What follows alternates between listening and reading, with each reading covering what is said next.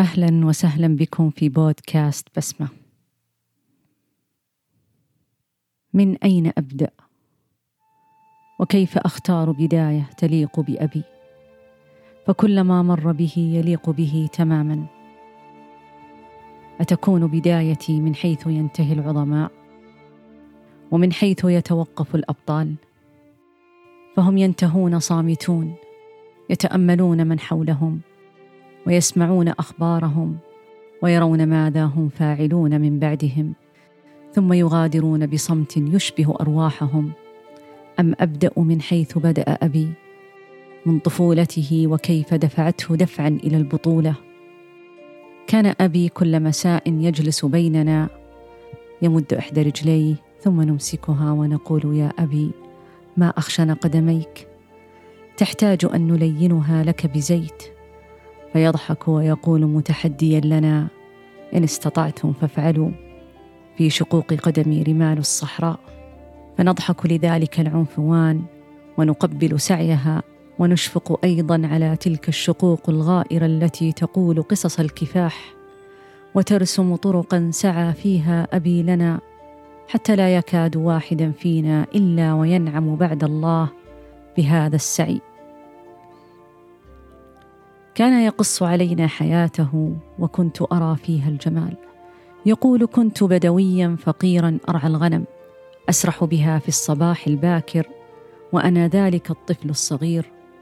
ثم يحرك يده يقول كنت حوالي الثامنة أو السابعة من عمري ومعي ثلاث فتيات ويذكر أسماءهن. يقول نرعى الحلال أي الغنم.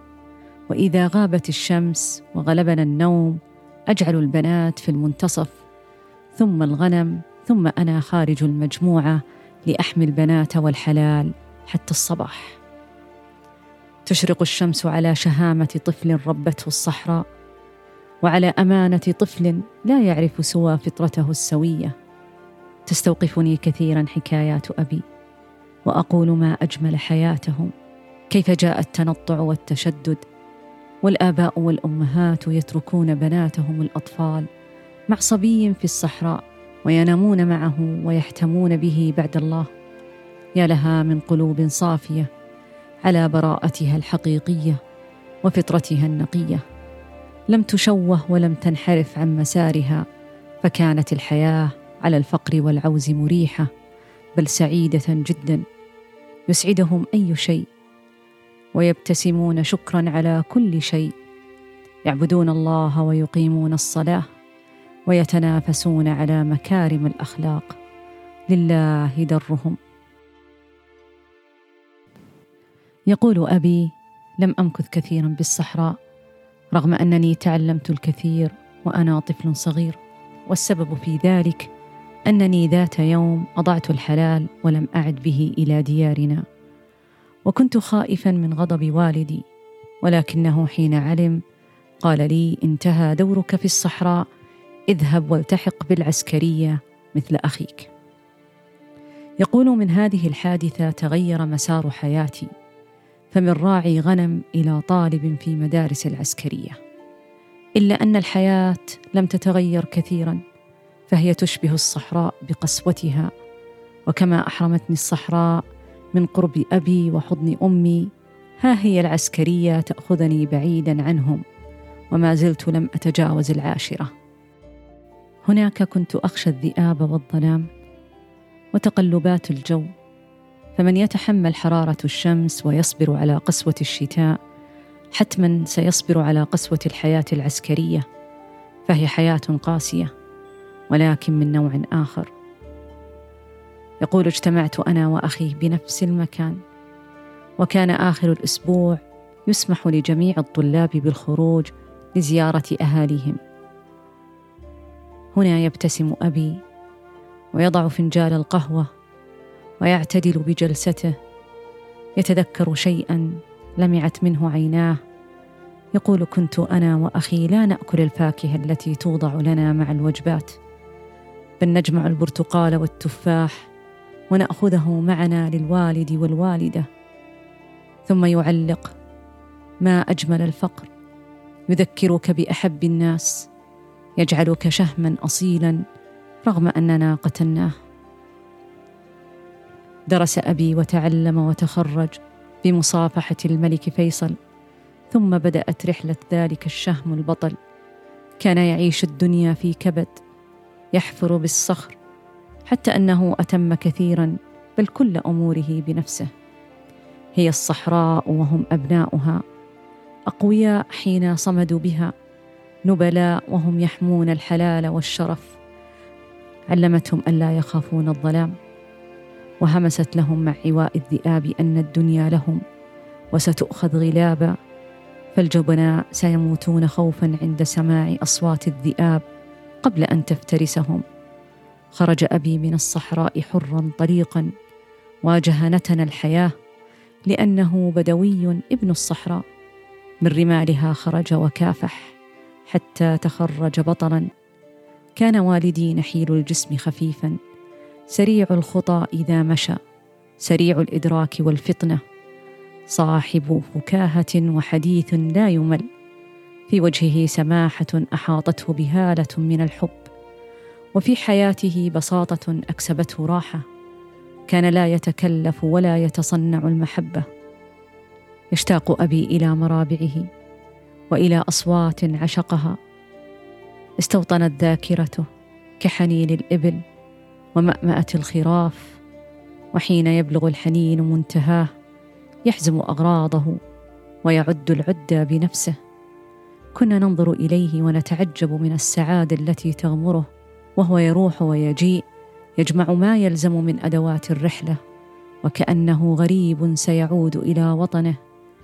كيف لا يحب الشمس التي لونت بشرته والهواء الذي تنفسه؟ كيف لا يحن إلى روائح الصحراء إلى الخزامة تلك الزهرة التي ما برح أبي يقطفها ويقبلها كلما خرجنا إلى الصحراء؟ كان أبي يرى الجمال في الصحراء ويعرف تفاصيل الحياة هناك. يفهم أصوات الأطيار ولا يخفى عليه أثر الدواب ولديه فراسة في تعقب كل أثر. يخبرنا عن منابع الماء ومرابع الغنم ومناخ الإبل ويسمي لنا الأعشاب وعرفنا معه كائنات الصحراء. وقص القصص علينا خبرنا الحياة وسبرنا أغوارها معه. وأخبرنا عن النجوم وأسمائها وعشنا أياما وليالي في الصحراء. ذقنا شيئا بسيطا من ماضيه وعاش أبي هناك كل ماضيه.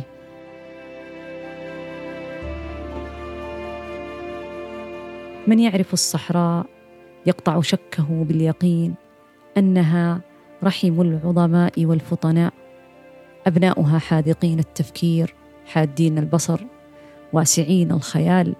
لهم أجساد نحيلة كأبي ولكنها قوية تكسر الصخر ولهم أيادي أمينة تنحت الفخر. يعرفون فن الحل والترحال والبحث عن الحياة في جبينهم نور الشمس. يفترشون زهور الإقحوان ويتوسدون ترابها الطاهر حتى علق في تجاعيد أعمارهم. يرحلون من موطن إلى موطن وفي كل موطن ينصبون الآمال.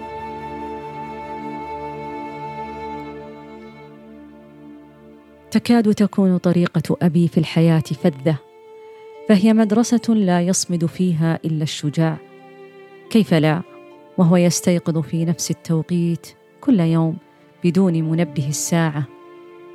المخالفين له في النوم يسمعون صوتا يأتي من بعيد يقول لا إله إلا الله فيعلمون أن القائد استيقظ وأن صلاة الفجر اقتربت.